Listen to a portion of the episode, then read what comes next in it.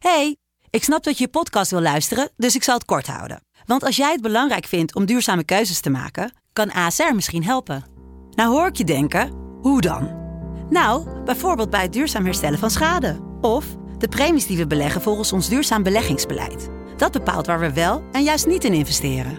Wil je meer weten over welke duurzame keuzes ASR maakt? Ga dan naar asr.nl/slash duurzame keuzes. ASR doet het.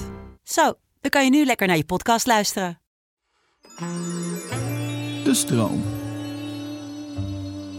Fijne vaderdag. Bel je vader. Ga bij hem langs. Kijk naar hem. FaceTime hem. Sta even stil bij hem. Zwijgend. Staar naar hem. Daar staat hij. Daar zit hij. Daar ligt hij. Daar is hij. In jou. Eén van je twee makers. Je merkt het steeds vaker. Diep van binnen zit dat ene ding wat je van hem hebt. Omdat hij dat altijd deed of altijd naliet, heeft het jou gevormd tot wie je bent. Je bent zijn toekomst en hij jouw verleden. Hoe het ook is gegaan, denk je aan hem, denk je aan jou. Wie jij zou kunnen zijn. Alles is mogelijk. Hij is hij. Jij bent jij. Fijne vaderdag.